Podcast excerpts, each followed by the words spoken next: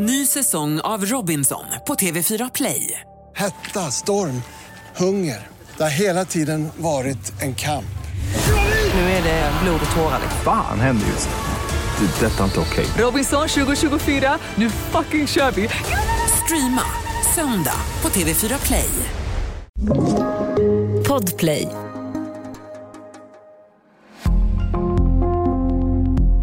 Välkommen till True Crime-podden Sommar. Det här är en podd för dig som älskar true crime. Och för att göra det enklare för dig att få den mest spännande true crime-lyssningen har vi samlat de bästa avsnitten och poddarna från Podplays katalog. Vi hoppas att du ska få en riktigt bra och rafflande sommarlyssning och förhoppningsvis också hitta en ny favoritpodd hos oss på Podplay. Jag heter Hasse Aro och jag kommer att vara din guide hela sommaren. Tack för att du lyssnar.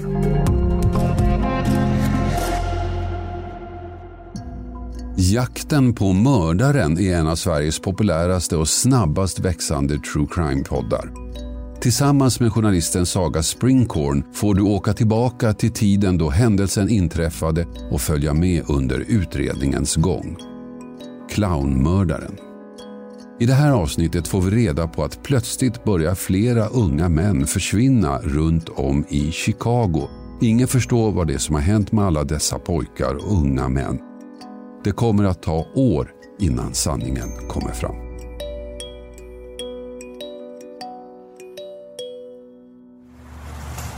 Flera unga män börjar försvinna runt Chicago. Ingen förstår vad det är som hänt med alla dessa män. Det ska ta år innan sanningen kommer fram.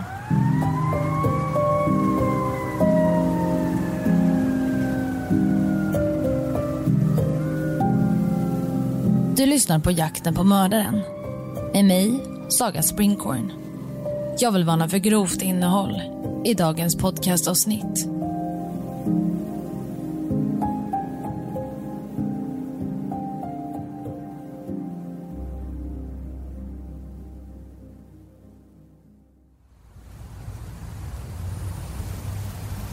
Året är 1972. Den 15-åriga Timothy McCoy väntar på en buss utanför Chicago Greyhound Bus Station. Det är kallt. Vintern ligger tät över Chicago. En man stannar plötsligt utanför stationen och börjar prata med Timothy. Mannen är en duktig talare och en god manipulatör. Han säger till Timothy att hoppa in i bilen och åka med på en sväng. Exakt vad mannen säger till Timothy, som slutligen får honom att hoppa in i bilen, är det ingen som riktigt vet. Timothy hoppar i alla fall in. De kör runt en stund och tittar på vackra Chicago. Därefter slutar de upp hemma hos mannen som plockat upp Timothy. De har sex och på morgonen därpå vaknar Timothy tidigt. Han ställer sig i köket för att förbereda frukost. Han tar fram ägg och bacon, dukar bordet för två. Därefter går han upp på ovanvåningen för att väcka mannen. Men saker och ting blir inte riktigt som det varit tänkt. Mannen hugger Timothy med en kniv flera gånger i bröstet. Timothy avlider. Och det ska dröja många år innan Timothys försvinnande klaras upp.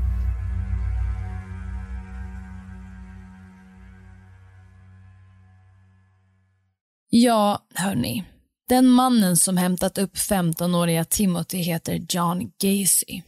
Och som ni kanske redan förstått i inledningen så kommer John att vara ansvarig för att ha mördat väldigt många unga män och killar i tonåren. Faktum är att John är känd som en av de mest produktiva seriemördarna i amerikansk historia. Och han har fått namnet The Clown Killer, något som vi kommer att återkomma till. Jag tänker att ni ska få lära känna John lite mer ingående. Så vi hoppar tillbaka några år i tiden.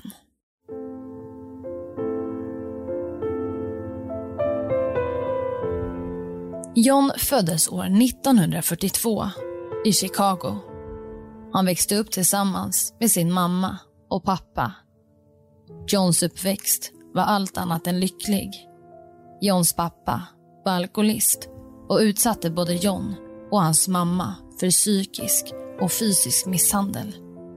Misären, som var ett faktum innanför husets fyra väggar, kände ingen annan till. Johns far skötte sitt arbete väl och ansågs vara en duktig samhällsmedborgare. John fick utstå en hel del.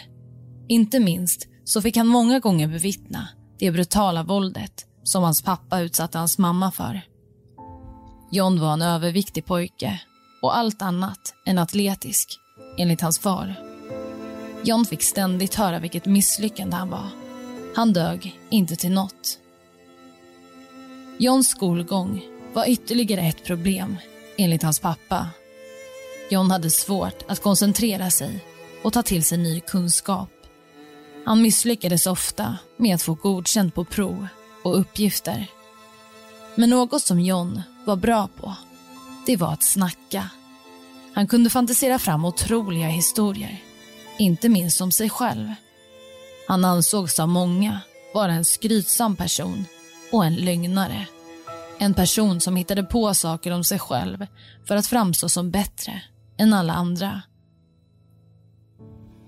Vid 16 års ålder började John medicineras för ett hjärtproblem. Han fick återigen höra vilket misslyckande han var. John växer upp till en ung man. När han fyllt 20 år flyttar han från Chicago. Han vill känna sig fri och testa på ett nytt liv. Han reser till Las Vegas och tar arbete som städare på ett bårhus. Han ägnade mycket tid på bårhuset och med sig själv. Tre månader senare åker han tillbaka till Chicago. John börjar nu studera på en handelshögskola.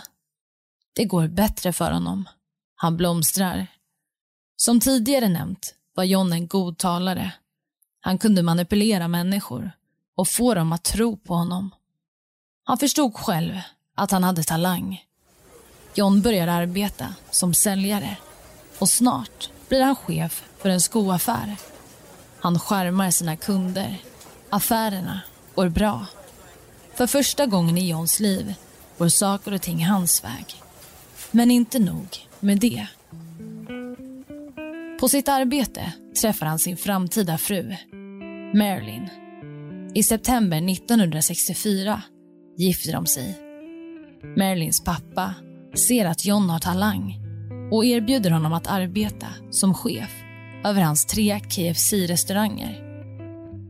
John erbjuds en hög lön och dessutom möjlighet att få en del av vinsten vid årets slut. John tar arbetet och affärerna fortsätter att gå bra. Väldigt bra. John och Marilyn flyttar till Waterloo. De flyttar in i Marilyns gamla familjehem. År 1966 födde Marilyn parets första barn, en son. År 1967 kommer parets andra barn, en dotter. John blir lite av en kändis i sitt nya område. Grannar känner till honom. Han är en fantastisk affärsman. Pengarna flödar. John styr ofta fester för grannarna i området. Det kunde komma runt hundra personer till hans fester. John klädde ibland ut sig till clown och showade med magiska trick framför grannar, vänner och familj. Han var en mycket omtyckt man. En man som dolde någonting som ingen hade kunnat förutse. Bakom fasaden fanns något helt annat. Under sommaren 1967 utnyttjar John en 15-årig pojke vid namn Donald. John hade lurat hem pojken till sig. Väl i hemmet hade de tittat på porr och John tvingade pojken att utföra sexuella handlingar på honom. Det här upprepar sig flera gånger mellan John och andra pojkar och unga män. John påstod ibland att han arbetade med forskning kopplat till sexuella experiment. Han betalade för att ungdomar skulle ställa upp på hans så kallade forskning.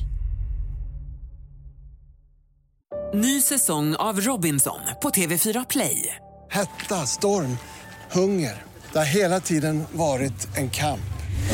Nu är det blod och tårar. Fan händer just nu. Det. är Detta är inte okej. Robinson 2024, nu fucking kör vi! Streama söndag på TV4 Play.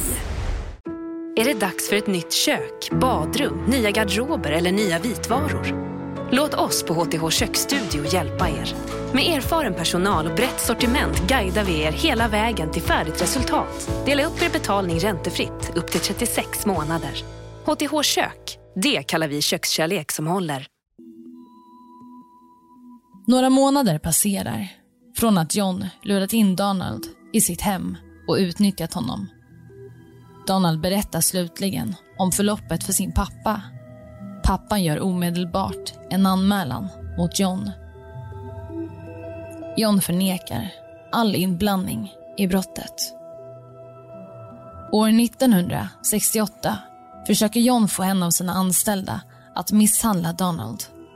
John erbjuder betalning för överfallet på 300 dollar. Syftet är att få Donald att bli rädd och dra tillbaka sitt vittnesmål.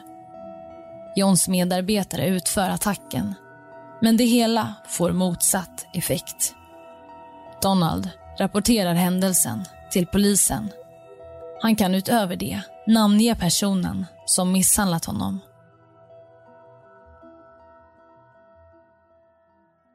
Det hela slutar faktiskt med att John döms för brottet mot Donald. Och nu kanske ni tänker att han döms för sexuellt övergrepp eller våldtäkt mot barn. Men nej, han döms för sodomi. Och sodomi eller en sodomilag är en lag som definierar vissa sexuella handlingar som brott. Traditionellt har sodomi med den engelska termen hänvisats till som ett brott mot naturen. Enligt common law bestod sodomi huvudsakligen av analsex. Och Den här lagen användes främst mot homosexuella personer. En väldigt omodern lag som inte längre finns idag. I början av 2000-talet hade en majoritet av staterna i USA upphävt alla sodomilagar. John döms till tio års fängelse. I samma veva så begär hans fru skilsmässa. Hon vill också ha egen vårdnad över deras två barn. Och så blir det också. John är nu i fängelse. Och i fängelset så beter han sig väldigt bra. Han uppför sig, han är artig och han har koll på sina saker. Han hamnar högt upp i hierarkin. John berättar inte riktigt vad han är dömd för för andra medbrottslingar. Han säger endast att han visat porr för unga män. John kämpar på i fängelset. Han är ambitiös och skapar vänskapliga band. Han blir bland annat chefskock i fängelset och engagerar sig för att villkoren innanför murarna ska bli bättre. Så han blir rätt poppis. Han pluggar en hel del och avslutar flera gymnasiekurser. Under julen 1969 så får John väldigt dåliga nyheter. Hans pappa hade gått bort och han är väldigt ledsen och medtagen trots sin hårda barndom. John vill gå på begravningen, men han får avslag på sin ansökan. Vi går vidare. John hade alltså dömts till tio års fängelse. Men redan 18 månader efter domen går han fri ute på gatorna igen. Han får prövotid och flyttar tillbaka till Chicago. John börjar arbeta igen. Han vill återigen bli en del av samhället, vara framgångsrik. John försöker sopa undan sitt förflutna. Han träffar en kvinna vid namn Carol. Carol flyttar in hos John. Hon har med sig sina två barn från en tidigare relation. Återigen är John den där ansedda grannen. En fin familjefar som sköter sina affärer med bravur. Han bjuder grannar, familj och vänner på stora fester. Han showar iklädd sin clownutstyrsel. Med tiden gifter han sig med Carol. År 1970 anklagas John återigen för att ha gett sig på en pojke. Det är en pojke som berättar att John lockat in honom i sin bil. Därefter hade de åkt hem till John och John hade tvingat pojken att utföra sexuella tjänster. Händelsen går upp i rätten men då pojken inte dyker upp läggs åtalet ner. Det kommer flera klagomål gentemot John. År 1997 berättar en ung man att han blivit tvingad att utföra oralsex på John. Anklagelserna anses vara falska. Utredningen läggs ner. Det är tonårspojkar som berättar liknande historier. John hade fortfarande prövotid. Men rätt myndigheter fick inte information om att John anklagats för sexuellt ofredande och med tiden upphörde prövotiden. År 1974 startar John ett bygg och målarföretag. John anställer främst unga män och erbjuder en mycket bra lön. Något som gör att många unga män har svårt att tacka nej till Johns arbete. Men det ingen vet vid det här laget, inte ens Johns fru som bor tillsammans med honom, är att John mördar unga män och pojkar. Hans tillvägagångssätt var snarlikt för samtliga mord. John lockade in sina offer i sin bil. Ibland sa han att han var en polis och kunde på så vis lura in i princip vem som helst i bilen. I andra fall erbjöd han de unga männen eller tonåringarna alkohol, droger eller pengar i utbyte mot sexuella tjänster. Därefter åkte han hem med sina offer till sitt hus. Han var charmig och socialt skillad. John brukade droga sina offer och erbjuda dem alkohol. Vidare satte han handfängsle på sina offer. Ibland sa han att han skulle visa ett magiskt trick och att det skulle vara anledningen till att handfängslet skulle på. Därefter förändrades allt. John torterade sina offer med diverse tillvägagångssätt. Han fimpade på dem, tvingade dem att utföra handlingar som de inte ville. Det var långvariga övergrepp med inslag av enorm förnedring. John dränkte några av sina offer för att sedan återuppliva dem. Och tortyren och de sexuella övergreppen kunde fortgå i timmar. När offren avlidit la han nästan samtliga kroppar i sin krypgrund under golvet, under sitt hus.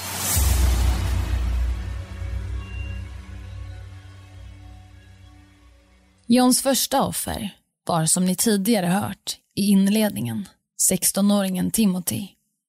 Året var då 1972 och John var tillsammans med Carol. Carol var inte hemma den aktuella kvällen och morgonen. Timothy hade varit på väg hem när John stannat intill busstationen och lockat in honom i bilen. De åkte runt på en liten roadtrip i Chicago och därefter föreslog John att Timothy skulle sova över hos honom och morgonen därpå bli avsläppt vid busstationen igen. På morgonen hade Timothy börjat laga frukost åt honom och John. Och när han senare försöker väcka John ser John att Timothy håller i en kniv. John attackerar Timothy i tron om att Timothy tänkt överfalla honom. John känner njutning när Timothy är på väg att försvinna från världen. Han lyssnar på de sista andetagen och ljuden som Timothy gör ifrån sig. John njuter sexuellt. Senare samma dag begraver han Timothy i krypgrunden. När Timothy avlidit förstår John att Timothy inte alls haft för avsikt att ta livet av honom. Istället möts han av ett dukat frukostbord, ägg och bacon. John ska fortsätta att ta livet av unga män. Johns andra offer är än idag oidentifierat. Personen begravdes precis som Timothy under Johns och Carols hus. Och så här fortsatte det. John Butchkowicz år 1975. Han var 18 år och anställd av John på företaget. John hade lurat hem den unge mannen för att diskutera avtal. Men så blev det inte. I samma veva som John tar livet av 18-åringen så kommer hans fru hem. Han skyndar sig med att begrava Johns kropp under golvet. Samma år berättar John för sin fru att han är bisexuell. Vid det här laget ligger det redan kroppar under parets gemensamma hus. Men det är inget som Carol känner till. John vill inte ha mer sex med sin fru. Carol märker att John förändras. Han är inte som tidigare. Relationen blir sämre. John är ofta ute sent på kvällarna och Carol uppmärksammar att John ibland bjuder hem tonårspojkar och unga män. John tar med pojkarna till källaren och Carol förstår att något inte är som det ska. Carol hittar märkliga saker undangömt i huset. Plånböcker som tillhör andra och en hel del porr. Carol vill nu ta ut skilsmässa och John går med på det.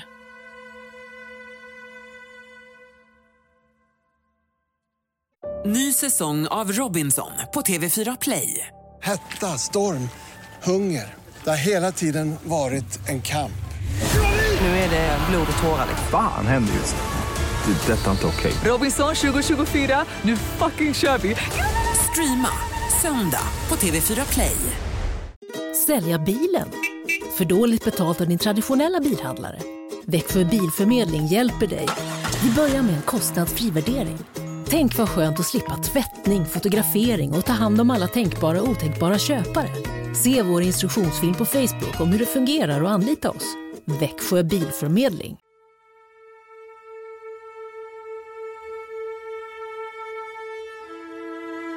John fortsätter att lura unga män och tonårspojkar. Det är flera anställda på Johns företag som försvinner. Vissa offer känner han sedan tidigare. Andra är helt okända för honom. Åren går och antalet personer som John tar livet av uppgår nu till 31 personer. Och än är ingen John på spåren. Ja, det är många personer som mister sina liv i händerna på John. Men utåt sett så är han fortfarande en framgångsrik affärsman. En granne som hälsar artigt på alla och en socialt skillad person.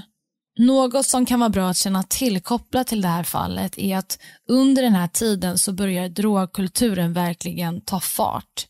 Det är många som upptäcker narkotika som blir beroende och som förlorar sina liv till följd av drogerna. Och John erbjuder ju många av sina offer droger och det kan ha varit en bidragande faktor till att så många blev lurade av honom. Man var desperat, man ville verkligen ha drogerna. Utöver det så var det väldigt mycket tabu kopplat till att vara homosexuell. Och det kan det ju vara fortfarande idag, men, men det var inte lika vanligt att människor gick ut och berättade att man var homosexuell. Det kan vara bra att ha med sig det här för en mer grundlig förståelse för alla de här dödsfallen. John kommer med tiden att begå sitt största misstag. Han kommer att rikta in sig på fel person. Året är då 1987, den 11 december. John går in på ett apotek i Chicago för att diskutera en eventuell renovering med butiksägaren. När John är inne på apoteket så ser han 15-åringen Robert Pist som arbetar på apoteket. Roberts mål är att samla ihop pengar för framtida college. John pratar lite med Robert och berättar att han har flera unga män anställda hos sig. Lönen är bra och han tänker att det kanske skulle kunna vara något för Robert. Mm, tiden går och John och Robert bestämmer att de ska ses utanför apoteket när Robert slutat arbeta. Och passet går mot sitt slut. I samma veva kommer Roberts mamma förbi. Hon ska nämligen hämta upp Robert då de senare på kvällen ska fira hennes födelsedag. Robert ber sin mamma att vänta då han ska ut och snacka lite affärer med John som står utanför och väntar. Robert går ut och då är klockan cirka 21.00. Och därefter försvinner Robert. Roberts mamma står och väntar en stund. Hon väntar och väntar och fattar inte var Robert tagit vägen. Roberts mamma kontaktar polisen. Hon anmäler sin son försvunnen. Hon berättar att Robert skulle prata med någon som eventuellt skulle erbjuda honom ett arbete. Butiksägaren till apoteket berättar om att John varit inne och samtalat med honom samma dag. Butiksägaren tror att det varit John som Robert skulle träffa. Polischefen Joseph, vars son gick på samma skola som Robert gör allt för att få reda på vad som hänt. Han tänker inte ge sig. Han kollar upp Johns bakgrund och ser att han tidigare varit straffad och dessutom suttit i fängelse. Joseph och ytterligare några poliser åker hem till John kvällen därpå. Det är mörkt utanför Johns hem. De knackar på dörren och ser att någon tittar på dem genom ett mörkt, frostat glasfönster i dörren. Sen försvinner ansiktet in i huset igen. Ingen öppnar. De går runt huset och ser då John som sitter och tittar på tv. I handen håller han en öl. En stund senare får poliserna komma in i huset. De frågar John om han känner till Roberts försvinnande och om han har något med det att göra. John säger att han sett pojken på apoteket. Men han säger också att han inte erbjudit pojken något arbete. Han hade kommit tillbaka till apoteket senare den dagen för att han glömt sin anteckningsbok där. Mer än så var det inte. John och resterande poliser vill att John följer med in till stationen för ytterligare förhör. John säger att han inte kan just där och då. Han kan komma in lite senare. När John anländer till polisstationen är klockan 03.20 på natten. Han är täckt utav lera. Han är smutsig, till skillnad från hur han sett ut när poliserna mött honom i hemmet. Väl på stationen säger John ungefär samma sak om den försvunne Robert som han sagt tidigare. John menar att han inte är inblandad i försvinnandet. Men Joseph och flera utredare är övertygade om att John inte talar sanning. Han beter sig märkligt och verkar vara nervös. Den 13 december får utredare godkänt att genomföra en husransakan hemma hos John. Under husransakan hittas flera körkort tillhörandes unga män och pojkar. Man hittar droger, polisbrickor, rep, underkläder på udda ställen, pornografi och mer därtill. Misstankarna växer. Utredare gräver i Johns förflutna. Man hittar flera klagomål och anmälningar. John övervakas av polisen och utredningen fortsätter.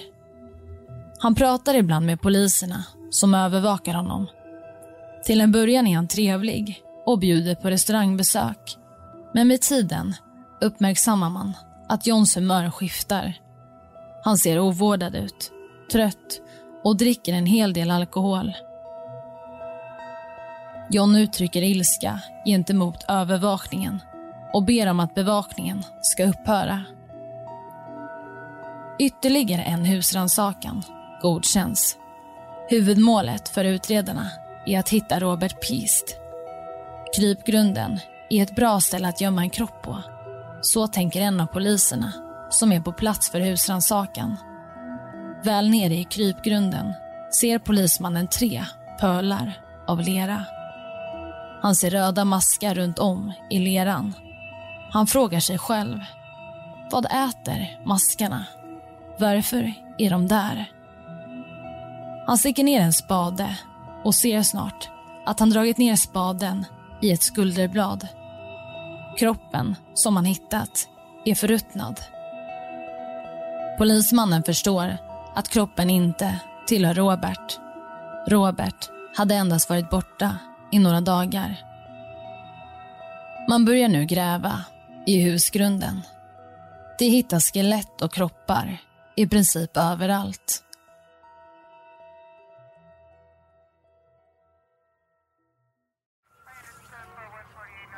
Utredare och polis är på plats vid Johns hus. John sitter häktad och får information om att polisen hittat krypgrunden. John säger att han är beredd att berätta. Att berätta sanningen.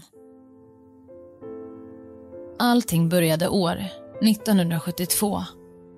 Han berättar om sitt första offer och det ska ta många timmar att gå igenom alla personer som han minns att han tagit livet av. John visar inga tecken på ånger. Han tycker inte att det är hans fel. Han ser sina offer, som han själv uttrycker det, som mänskligt skräp. John säger att det är hans kroppar. Han har haft rätt att bevara kropparna hos sig.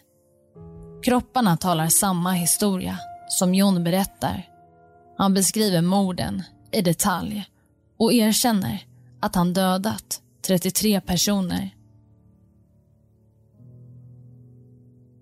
Under Johns hus hittas 27 döda personer. Ytterligare två avlidna personer hittas runt huset. Resterande personer som han tagit livet av har han dumpat i den närliggande sjö. Däribland Robert. Polisens agerande kopplat till John fick stor uppmärksamhet i efterhand. John hade flera anmälningar mot sig. År 1987 hade en ung man vid namn Jeffrey plockats upp av John. John hade erbjudit den unga mannen Mariana. När Jeffrey hoppat in i bilen drar snart mardrömmen igång. John lägger en trasa med kloroform över Jeffreys ansikte. Han tappar medvetandet. John våldtar Jeffrey och håller honom fången i huset i flera timmar. Jeffrey vaknar upp på morgonen därpå. Han vaknar upp i en park och vet inte var han befinner sig. Senare anmäler han händelsen till polisen, men man tycker inte att det är brådskande. Det hade rört sig om en gayman och en annan gayman. Ärendet prioriterades inte hos polisen. År 1980 ställs John inför rätta. Han är anklagad för att ha mördat 33 personer. Försvararna försöker peka på att John lidit av en allvarlig psykisk störning. Tre psykiatriker berättar i rätten att John lidit av paranoid schizofreni med ett flertal personligheter. Något som karaktäriseras av vanföreställningar, paranoia och hörselhallucinationer. Åklagarna, å andra sidan, försöker övertyga juryn om att John varit fullt medveten om sitt agerande. Jeffrey, offret som överlevt, vittnar i rätten. Det är känslosamt. Ytterligare en ung man vittnar om att han utsatts för sexuella övergrepp av John. Slutligen finner juryn John skyldig till samtliga 33 mord. John döms till flera livstidsdomar. Utöver det döms han till flera dödsstraff. 14 år senare, den 9 maj 1994 ska John avrättas med en dödlig injektion. John äter picknick med sin familj. Han beställer bland annat pommes, jordgubbar, kola, friterade räkor till picknicken. Den sista måltiden. Han ber tillsammans med en präst och förs sedan till avrättningskammaren. Hans sista ord ska ha varit Kiss my ass. Och det var allt för dagens avsnitt.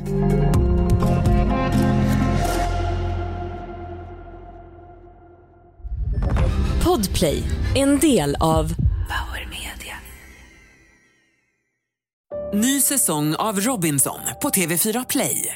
Hetta, storm, hunger. Det har hela tiden varit en kamp. Nu är det blod och tårar. Fan händer just.